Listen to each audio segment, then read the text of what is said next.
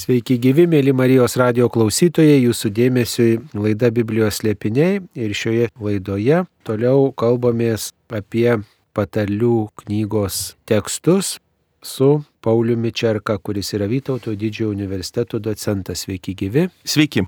Taigi, mėly Marijos radio klausytojai, atsiverčiame patarlių knygos 13 skyrių kuriame svarstoma, koks tas yra išmintingas vaikas, koks jo kelias ir koks tas yra kvailas žmogus, kuris nesilaiko Dievo duotų priesakų ir jo pamokymų.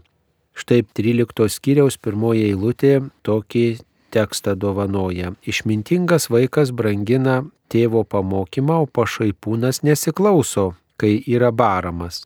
Taigi du vaikai - išmintingas vaikas brangina, o pašaipūnas nesiklauso. Galima daryti išvadą, kad tas, kuris išmintingas, jis linkęs priimti tą, ką sako tėvas, o pašaipūnas vadovaujasi kažkuo kitu, turbūt taip reikėtų suprasti.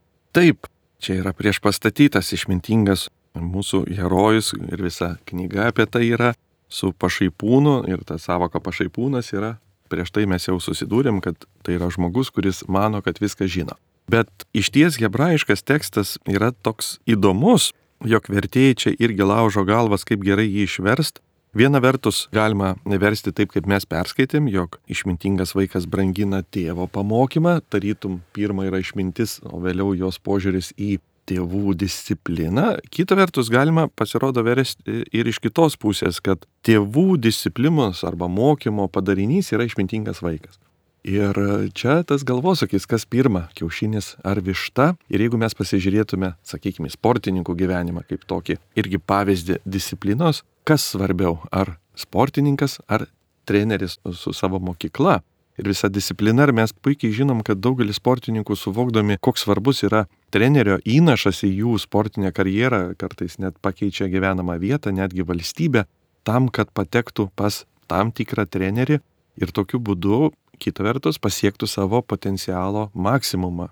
Pamenu savo vaikystę, kai visi džiaugdavomės žalgerio pergalėmis ir tada man šiek tiek stebindavo toks dalykas, kad žalgeriečiai po pergalės savo trenerį Vladą Garastą, jie mėtydavo į viršų iš to džiaugsmo. Ir aš taip galvodavau, o už ką jie mėto, juk žaidė tai jie, nuvargo jie, taiklus buvo jie, o čia dabar trenerių mėto. Aš nelabai suprasdavau, ką tas treneris tokio nuveikė per tas varžybas, kad taip reikėtų jo džiaugtis. Bet šiandien, aišku, aš jau suprantu, kad trenerių įnašas ne visiškai yra varžybų metu, jis kaip tik yra tarp varžybų jo disciplina, jo pamokos yra ir tai, ką sportininkas suvokia, jog jis tampa geru sportininku tik todėl, kad buvo geras treneris, kuris nu, suteikė jam gerą mokyklą.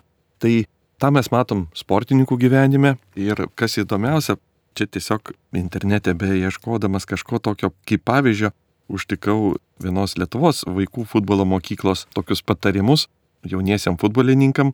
Ir įdomu, kad treneris rašo, kad Sako, aš padariau tyrimą, kas ir mano yra geriausio rezultato pasiekę 10 sportininkų, kokios jų yra savybės ir jis vardina, kad tai yra stabilumas, disciplina, koncentracija, laikas ir pasitikėjimas. Tai yra iš esmės visa tai, ką mes pasakytume vienu terminu - mokymasis ir disciplina. Įdomu yra tai, kad jis pats pastebi, kad talento čia nebuvo. Talentas nėra toks svarbus lyginant su disciplina ir geriausi sportininkai pasirodo nebuvo talentingiausi. Jie buvo labiausiai pasidavę disciplinai.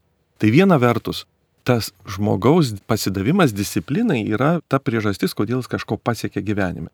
Ne tik sporte, bet tai galime tada peržiūrėti į šeimą kaip gyvenimo mokyklą, taip, ir tokiu atveju tėvų auklyba, būtent disciplina, pamokos ir pavyzdžiui, ir žodžiu nulėmė, kiek žmogus bus paruoštas gyvenimui ir šiandien mes galim būti be galo turbūt dėkingi toms pamokoms, tam tikram universitetui, kurį mes patyrėme namuose. Ir kita vertus gaunasi ir atvirkščias dalykas, reiškia, kad ta disciplina ir užaugina iš principo išmintingą ir paruoštą žmogų. Kaip ir sakiau, mes turime ir vieną, ir kitą, tam tikrą glaudžią sinergiją jog viena vertus tai yra ir vaiko atsidavimas disciplinai, kita vertus tai yra ir tėvų na, mokymas, kol vaikas tampa tuo išmintingu. Tikrai subręsta į tą išmintingą žmogų. Ir jau pradėjom klausti savęs, o ko tai mus pamokino dvasinių lygmenių, yra to, kad Dievas yra tas tėvas, ar ne, kuris moko mus dvasiniai kelionėje ir egzistuoja sinergija. tarytum yra mūsų dalis ir Dievo dalis, bet jos abi veikia iš vien. Taip kaip filipiečiam laiškė paštas Paulius rašo, kad Dievas jumise veikia ir troškimą, ir įvykdymą. Sudėtinga tai perteikti, bet egzistuoja žmogaus ir Dievo sinergija dvasiniai brandoj. Ir žmogus klauso Dievo ir Dievo auklyboje jis daro progresą. Tai vad šiuo atveju tarytum mes matom išminti, kuri jau pradeda tam jaunam vaikė veikti nuo pat pradžių, tai kad jis klauso jau yra išmintis, kita vertus, tikrai išmintingu jisai taps pabaigęs mokyklą, kai jau jis išmokstų pamokų. Tai vad šiuo pavyzdžiu tarytum yra perteiktas labai sudėtingas Dievo ir mūsų sielos ryšys dvasiniu aspektu, kažkuo panašus į sportininko ir trenerio sinergiją, kažkuo panašus į tėvų ir vaikų na, augimo, tam tikrą sinergiją, jog dalyvauja ir vieni, ir kiti tam, kad galutiniam rezultatė mes turėtume tą subrendusi sportininką arba paruoštą žmogų gyvenimui, nu, o dvasinėse dalykuose turėtume brandų krikščionį. Taigi iš tos pirmosios eilutės galim daryti išvadą, kad išmintingas klauso. Išmintingas klauso, nes tas, kas neklauso, gali tapti tuo, kuris niekina, ignoruoja, o tai reiškia turbūt ir išjuokia tuos žodžius arba nelaiko rimtais tuos pamokymo žodžius bet taip pat išmintingas žmogus labai taupo žodį, labai taupo žodį, kurį skiria kitiems. Antroji ir trečioji eilutėse kalbama apie žodžio svorį ir vertę. Iš savo žodžių vaisių žmogus valgo gerą valgį, o apgaulingas žmogus alksta darydamas niekšybės, kas saugo savo liežuvį, apsaugo savo gyvastį, o plepu žmogus prieina liepto galą. Tai ar bus išminties dalis taupiai vartoti žodžius? Išminties dalis yra apgalvoti pirmą, negu kalbėti pirmą, taip. Labai dažnai turbūt mes savo priekaištaujam, kad kai kada pakalbam nepagalvoja. Deja, reikia nuolat mokintis ir nebereiklo tiek daug yra ir lietuviškų patarlių apie žodį, kuris išskrenda iš burnos ir atgal jo nebesugražinsi, galėti gailėtis, pasakęs netinkamus dalykus. Tai gali sugriauti žmogui karjerą, santykius. Iš tikrųjų atrodo čia tik žodžiai, bet jų padariniai yra milžiniški. Tas plėpumas, nemastymas, ką kalbė, negalvojimas gali privesti prie baisių padarinių. Ir užduokim klausimą, kogi mus mokina vėlgi mūsų dvasiniam gyvenime. Tarytum žodžio prasme mums yra aiški. O kur žodžiai yra dvasiniam gyvenime? Tai yra malda. Šiuo atveju yra toks, na ir Kristus kalno pamokslė sako, nedaugia žodžiaukite, kai melžytės. Taip, ne žodžių gausybėje slypi maldos jėga maldoje mes kalbame su Dievu, mes irgi kalbamės. Ir tai gali būti plepumas, tai yra žodžių kažkoks kartojimas, nesuteikiam prasmės, negalvojant apie juos. Ar tai duos kažkokius gilius vaisius? Vargiai.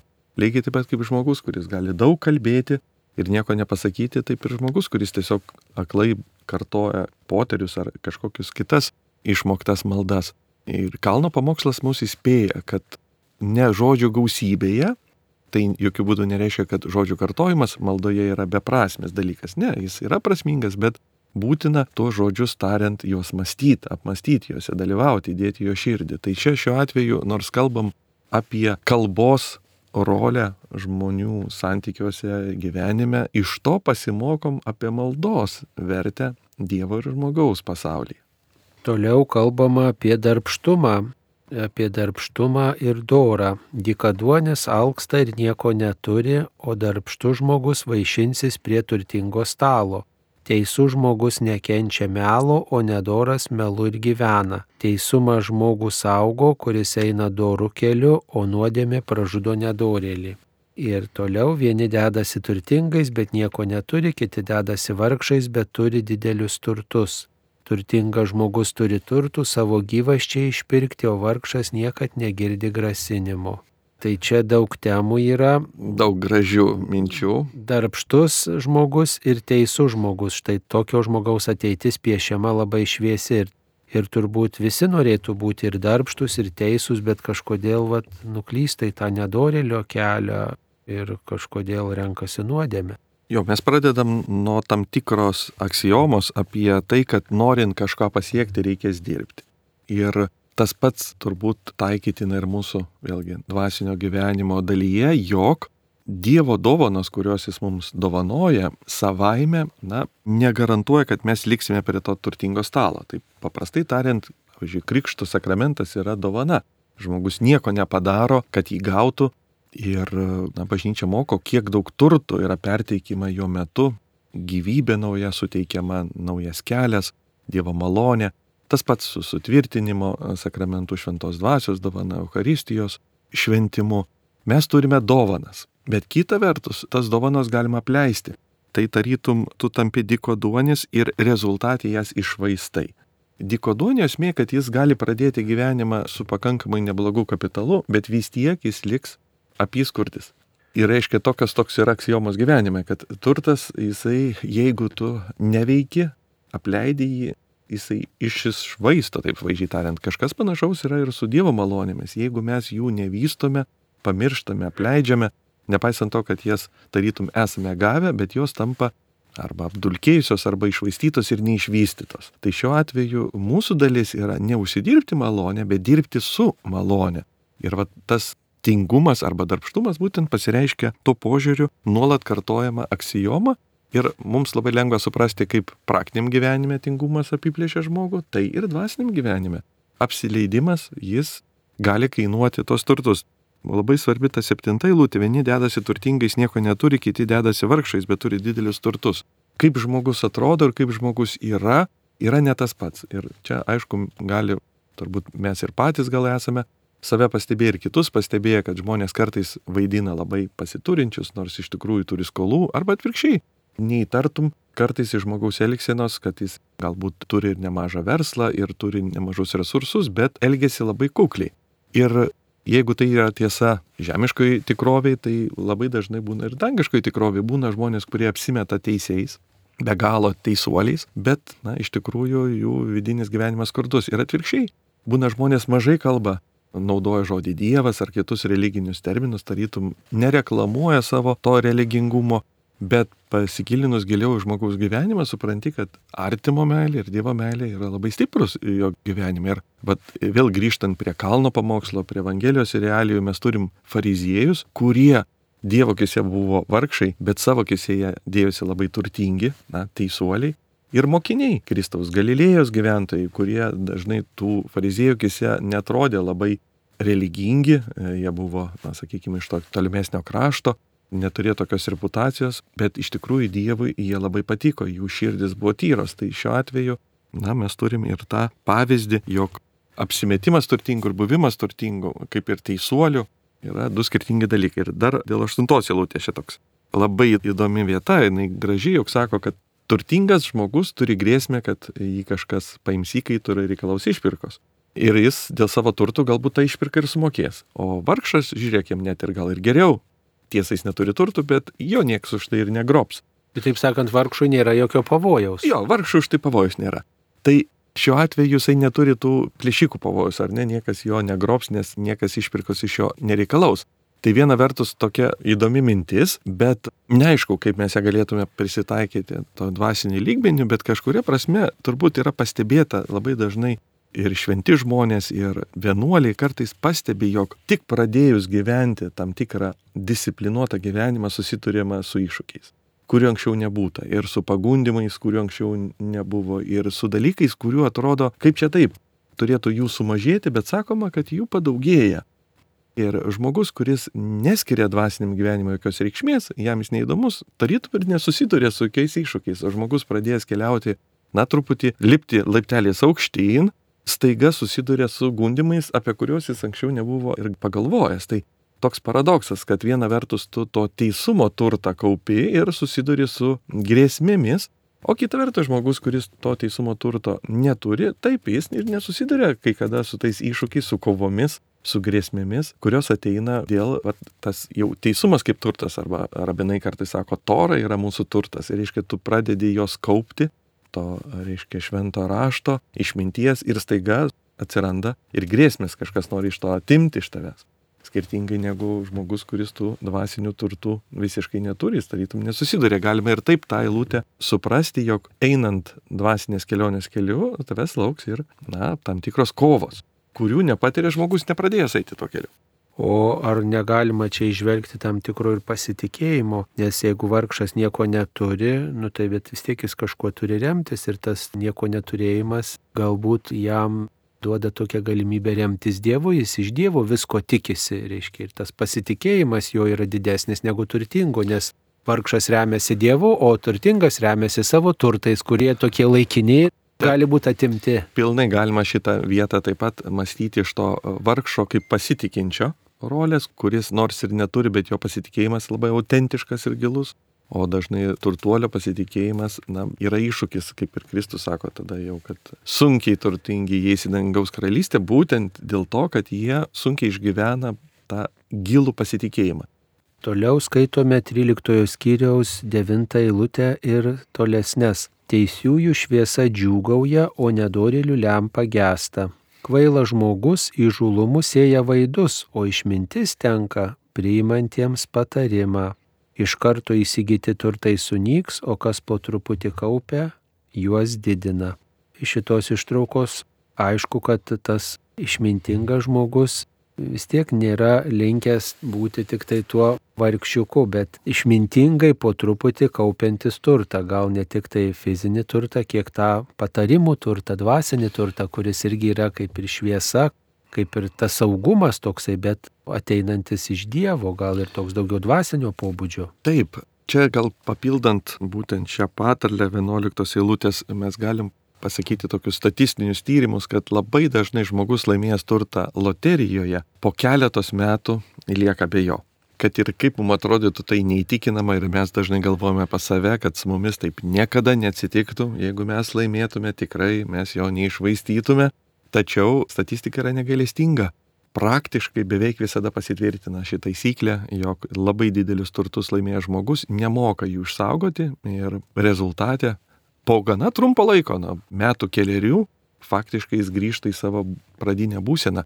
Ir netgi prastesnė būsena, nes jis grįžta į būseną, kada yra sugadinti santykiai, dažnai nutrūksta visi jo ryšiai ir su giminėmis, ir draugais, bendradarbiais, jis netenka darbo, nes jam iš pradžių jo nereikia, o vėliau jis jau nebeturi įgūdžių, jo artimieji ant jo pyksta, nes jiems visada atrodo, kad jis per mažai dalinasi.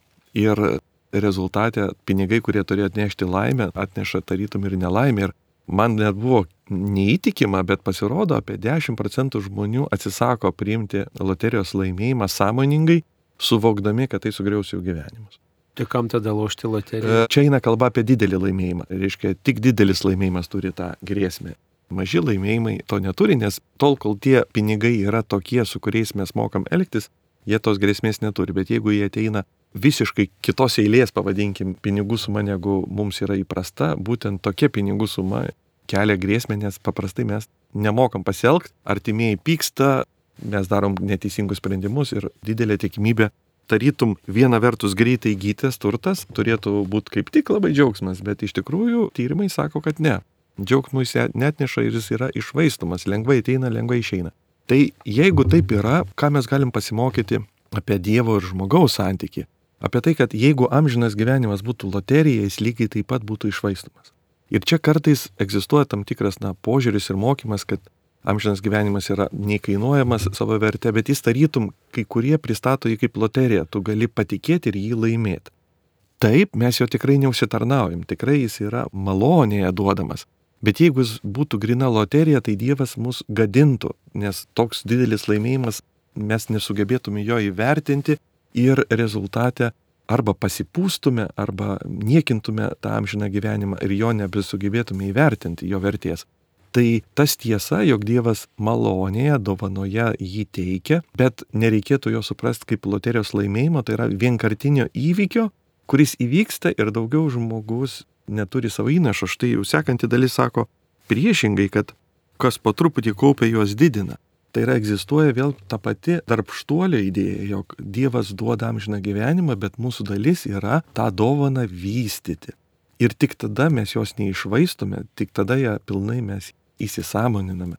Čia galim prisiminti jau Kristaus patarlės arba palyginimus iš graikų kalbos, kaip mes jas verčiam, apie tarnus, kurie gavo talentus ir vienas jos užkasa, o kiti juos kažkaip naudojo, tai duoto atveju tas vat, loterijos laimėjimas ir užkasęs, jos nenaudojas, nepadidinęs jos, rezultatė lieka be nieko. Tarytum išvaistęs tą didelę dovaną, o tie, kas po truputį jas didino, naudojo Dievo duotą tikėjimą, Dievo duotą amžiną gyvenimą, tarytum vystė jie baigia, na, kaip ir tuo pavyzdžiu, kuriuo mes turim sekti. Tai tiesiog prisiminkim, kad amžinas gyvenimas negali būti loterijos pavyzdžių, nes tai kaip tik sugadintų mūsų gyvenimus, jeigu jis užgriūtų taip netikėtai ir nebereikėtų mūsų jokio naudojimo, jokio dalyvavimo. Dar norėčiau grįžti prie devintos eilutės. Ar toji išmintis ir šviesa pamažu įgyti, kaupti patarimus ir gerus pamokymus. Čia yra apibūdinama teisiųjų šviesa džiūgauja, o nedorilių lempa gesta. Na, kad lempa gesta nedoro žmogaus galbūt galima suprasti, o kaip suprasti teisiųjų šviesa džiūgauja? Ar tai reiškia, kad ta šviesa tai pats žmogus, kuris priima tokį išmintingą sprendimą? Tas džiaugsmas kyla iš to, kad yra šviesa. Matot, šiandien mes to šviesos gal nestokojam, nors gyvenam šiaurės krašte ir mums irgi natūraliai jos trūksta ir galim šiek tiek save prisiminti, kad kai būna kokia gedresnė diena, tai nuotaika pakyla. Tai na, tais laikais ta šviesa ypatingai, sakykime, buvo labiau net vertinama namuose esanti šviesa. Ir čia norėtų pasakyti, kad teisusis, kadangi nuolat turi šviesą, jis nuolat turi džiaugsmą. Ir aišku, eina kalba apie jau vidinę šviesą, apie tikėjimo šviesą, kuri atneša tam tikrą vidinį pasitenkinimą ir džiaugsmą. Nenuodėme renkasi, bet darybė, tai tas džiugina žmogų.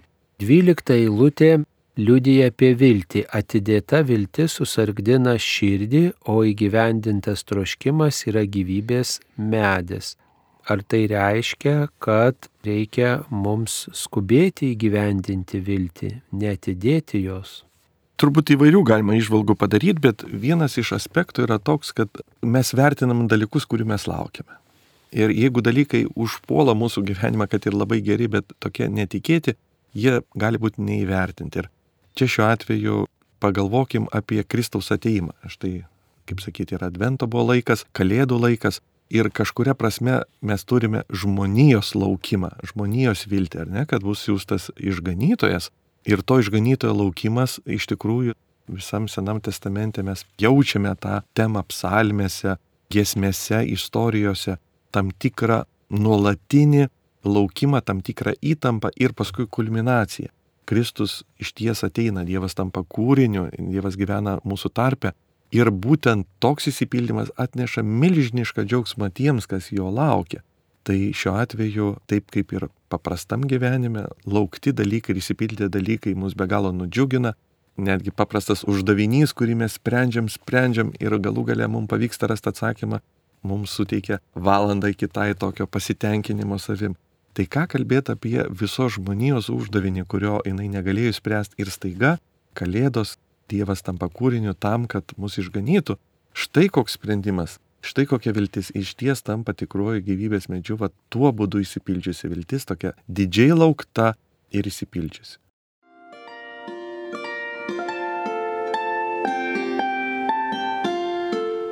Jūs girdite Marijos radiją.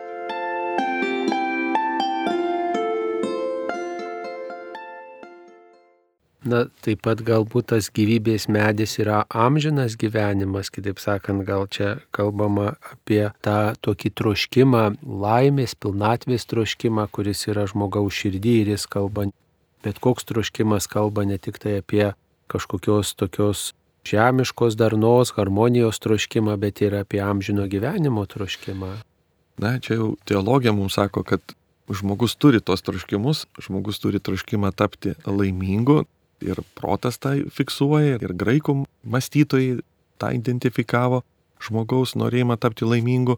Mes, sakykime, su krikščionybės ateimu tiesiog papildome atsakymą, kad iš tikrųjų pilnoji laimė yra tik Dieve. Reiškia, žmogus galutinai gali tapti laimingas, atradęs tą laimę Dieve. Ir, sakykime, skirtingai tą klausimą sprendžiama. Budizme labiau akcentuojamas sugebėjimas savo troškimo numarinti laikant, kad tu jo vis tiek negalėsi patenkinti, tai galbūt na, sprendimas būtų to troškimo numarinimas, atsisakymas ar kažkaip darbas su to troškimu. O krikščionybėje yra priešingai rodimas, kad jokie laikini dalykai to troškimo nepatenkins, bet vis tik pats troškimas galės būti patenkintas Dieve. Jo nereikia kaip tokio atsisakyti, jis bus vat, amžino gyvenimo būdu pilnai atsakytas ir dėl to žmogus amžinai galės būti laimingas turėdamas tą savo giluminį troškimą pilnai patenkinti. Nuo 13 eilutės skaitome toliau, kas paniekina žodį, užsitraukia pražūtį, o kas gerbė įsakymą, bus jam atlyginta. Išminčiaus mokymas yra gyvenimo šaltinis, leidžiantis išvengti mirtinų pinklių. Sveika nuovoka laimi palankumą, o sukčių kelias veda į pražūtį. Gudrus žmogus visur elgesi protingai, o kvailas parodo savo kvailumą. Nedoras pasiuntinys padaro vargo, o patikimas atstovas atneša ramybę. Na, čia šito ištraukėlėje kalbama, kad Išmintingas žmogus brangina pamokantį žodį, o kvailas nepaiso jo. Galbūt kvailas nepaiso to išmintingo pamokymo, nes nežino, kokios to pamokymo pasiekmės arba kokios pasiekmės bus tada, jeigu nepaisysiu to patarimo, pamokymo, to žodžio. Tiesiog nemato, kad nepaisimas veda į blogį, už tai jis tampa negudriu, kvailiu. Taip ir tiesiog galim gal pasvarstyti, kad jeigu mes turėtume viską gyvenime išbandyti patys, visus dalykus atrasti patys, suvokti patys, tai turbūt ką mes išmoktume arba išmoktume labai nedaug. Tai galim tik pasidžiaugti, kad mes turim tėvų mokyklą, turim vidurinę mokyklą, universitetą, tiek daug dalykų, kurių mus mokina ir mesgi tų dalykų, kuriuos mokinamės, nespėjame išbandyti. Nei apie visatos platybės, nei apie istorinius įvykius, juk tiesiogiai mes neištyrinėjame patys. Mes džiaugiamės kitų žmonių, galima pasakyti, atrastais dalykais, bet jie mus moko ir kažkuria prasme mes laikome, kad tai sveika nuovoka yra juos priimti, o nebūti užsispyrus ir sakyti, man nereikia, kad jūs kažką aiškintumėt, aš pats viską įsiaiškinsiu. Būtų gražu, bet tu nespėsi per šį gyvenimą įsiaiškinti tiek daug dalykų, kiek dera jau mums jo žinoti. Tai jeigu tai yra teisinga tiesa istorijai, fizikai, chemijai, tai tuo labiau tai tiesa yra ir Evangelijai. Jok yra dalykų, kuriuos mes turime tikėjimo priimti, mes turime paklausyti kitų žmonių ir patyrimo, ir argumentų, o ne įsispirti ir sakyti, man neaiškink, kaip aš turiu gyventi, aš esu aš, aš pasirinksiu savo gyvenimą pats. Skamba labai patraukliai, bet čia yra problema su tokiu mąstymu. Problema, kad mes nespėjame, objektyviai nespėjame pasiruošti tokiems pasirinkimams. Taip sakyčiau, kad turbūt to moko šios patarlės. Įdomus dalykas, kad kai žmogus laikosi išmintingo pamokymo ir tai atneša jam gerovę, bet ir ramybę. Štai 17 eilutėje skaitom nedoras pasiuntinys padaro vargo, o patikimas atstovas atneša ramybę. Tai čia turbūt irgi tas išmintingas žmogus ir pats patiria ramybę ir kitiems neša ramybę. O 18 eilutėje skaitom, kad neturtas ir gėda tam, kuris nepaiso pamokymo, o kas klauso įspėjimo yra gerbiamas. Taigi galim daryti išvadą, jeigu aš ieškau išminties, klausau patarimų, išmintingų patarimų, tai turiu ir ramybę, ir kitiems sėjų, ir taip pat ir pagarbą pelnau, ir kažkokiu būdu gausinu savo turtus. Tai čia ne tik tai turbūt apie tuos turtus fizinius, bet ir apie tuos dvasinius turtus, kad mano ir vardas gerbiamas, nes aš klausau patarimo, nes atsižvelgiu į pamokymus ir taip pat tokį gal turiu dar ir kitą tokį kapitalą, dvasinį kapitalą, jeigu taip galima sakyti. Taip, principai juk tie patys yra, tuo ir paremtos yra patarlės, ar ne, kad kai kurios dalykus mes aiškiau supratę, pavadinkime, natūraliam žmogiškam lygmenį, mes iš jų galim suprasti ir tą tokį aukštesnį, dangišką lygmenį. Ir iš tikrųjų žmonės, kurie tikrai pasiekė nemažų pasiekimų gyvenime, labai dažnai nesigėdi pripažinti, kad jie turėjo mokytojų, turėjo patarėjų, turėjo partnerių. Jie nesigėdi parodyti, kad nėra jie vieni viską pasiekę. Jie tikrai turi už kam padėkoti, pradedant nuo tėvų, mokytojų, partnerių, draugų, bendražygių. Ir dažniausiai tai nerodo jų silpnumo, bet priešingai rodo jų pagarbumą ir kelia mumise susižavėjimą tokia reakcija, jog vietoj to, kad žmogus arogantiškai didžiuotųsi savimi, savo pasiekimais, jis pripažįsta, kad tų pasiekimų nebūtų buvę, jei ne. Ir štai visa eilė tų kitų įnašą turėjusių žmonių. Ir objektyviai taip ir yra.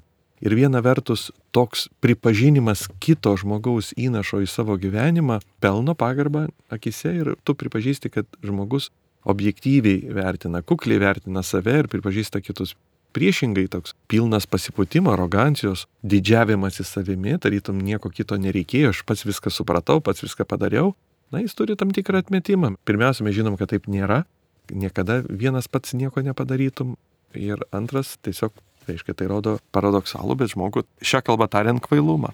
Taip, 19 eilutėje skaitome įgyvendintas troškimas malonu širdžiai, o grėžtis nuo piktą pasibjaurėjimas kvailiems. Turbūt čia kalbama apie dorus troškimus, nes kartais turbūt mūsų troškimai ir piktą galbūt mus kreipia, bet išmintingas žmogus tikrai patirs džiaugsmo, jeigu klausys tų gerųjų troškimų, gerųjų siekių ir priešingai, jeigu nusigręš nuo piktą, kas kvailam žmogui atrodo nepriimtina. Ši patalė kalba apie mumise esančius troškimus. Ir paradoksas, bet vat, teisiesiems tie troškimai padeda tarytum eiti to teisumo keliu, o čia kaip pavadintiems nedoreliams jie trukdo, jiems sunku nusigręžti nuo pikto, nes panašu, kad jos troškimas traukia. Tai šiuo atveju tas vidinis žmogaus troškimas yra labai daug nuleminti žmogaus gyvenime. Vienas žmogus tarytum nori daryti na, gerus dalykus, tas darybės puoselėje ir jos tampa jam mielos ir tarytum kuo daugiau jis daro, tuo daugiau prie jų linksta. Ir priešingai kitas žmogus įdos jį kankina, gal jis jau ir nebenorėtų pasielgti, bet jam jau sunku objektyviai nepasiduoti tai įdai. Čia toks vėlgi prieš pastatymas, kad mus gali ir dorybė, pavadinkim, dorybė vesti pirmin ir gali įdą trukdyti. Ir viena ir kita yra vidinis troškimas, vidinės paskata, bet pasirodo, jį gali vesti ir gerų, ir blogų kelių. 20 eilutėje ir tolesnės eilutės liudija turbūt jau mums žinoma tiesa, bet patvirtina kaip tokią labai svarbią taisyklę. Bendrauk su išmintingu ir tapsi išmintingas, o kvailųjų bičiulis pateks į bėdą. Tai turbūt ir lietuviška patarlė tokia yra, su kuo sutapsi, toks ir pats tapsi. Pasakyk, kas tavo draugai, pasakysiu, kas tu. Tai turbūt visi mes tą žinom, bet galbūt pamirštam, kad vis tiek Mums reikia tos išminties siekti ir tikrai jos ieškoti ne tik savy, ne tik savo patirtį, bet ir kituose žmonėse. Būtent, būtent, kad taip kaip mes išmokstame tam tikrų dalykų ne iš knygų, ar ne? Ne viską gali išmokti iš knygų. Pavyzdžiui, vadybos daugiau išmoksti iš matymo savo vadovo šalia būnant, ar būtent tam tikrų įgūdžių galima išmokti tik būnant šalia ir kartu šeimos mokykla juk taip yra paremta. Tėvai neduoda kažkokios literatūros vaikam skaityti, bet moko pavyzdžių, patirtimi, dalyvavimu, užduotimis ir jį padaro didžiausią įtaką mums. Ir štai yra mokykla, kurioje nebuvo tarytum knygos skaityti, bet kuri padarė milžinišką įtaką. Tai šiuo atveju mąstyti, kad aš vienas pats galiu padaryti progresą, tarytum pasimti knygą, dar kažką, yra naivu. Mes turime turėti tam tikrą na, bendruomenės dalyvavimą ir joje mes taip pat darom labai svarbią pažangą. 21 eilutė taip sako, nusidėlėms iš pasko seka nelaimė, o teisiuosius pasiveja gerovė. Geras žmogus palieka paveldą savo vaikaičiams, o nusidėlio turtas paskiriamas teisėjam. Bilinėjimas įsuryja įdirbtą vargšo lauką ir neteisybė nušluoja jo buveinę. Na tai galim daryti išvadą, jog jeigu aš pasirenku blogą, tai tas blogas mane pasivys. Jeigu renkuosi nuodėmę, tai pasiekmės yra liūdnos. O tas, kuris laikosi žodžio mokymo, kuris ieško išminties, tai vėliau ar anksčiau ta gerovė kažkokiu būdu pasivys, ypač turbūt toji amžinoji gerovė, amžina pilnatvė, jeigu aš net ir nematau šitam pasaulyje to atpildo, bet to galiu tikėtis iš amžinybės. Taip, ir kalbant apie šitą paveldą, tai ne tik apie materialų mes galim ypatingai pastebėti apie tą nematerialų paveldą, ypatingai idėjų istorijai. Žinome, kad tam tikros išvalgos ir idėjos, jos visada yra statomas ant prieš tai buvusių mąstytojų pečių. Va, ir jeigu šiandien mes pasakytume krikščionybė, iš kur jie atsirado, taip, jie atsirado iš esmės irgi kaip prieš tai buvusių žmonių paveldas, mes sekam Abraomo paveldu, Dovido, paskui apaštalų, bažnyčios tėvų. Ir mes įstojame į šį kelią, kuriame yra labai daug kas palikta prieš mus einant. Mes nepradedam eiti nuo nulio ir kita vertus matome, kiek daug yra išlaikyti ir bažnyčia stengiasi perduoti tuos turtus, išlaikyti juos ir vertinti. Ir atvirkščiai, tos prastos idėjos jos dažnai sužimba, jos kažkurį tai laiką padaro įtaką, bet vėliau žinomos yra tik istorikams. Jos išnyksta. Ir tuo irgi galima, na, tarytum tą eilutę matyti tokiu kampu. 23 eilutė tokia truputį labai keista.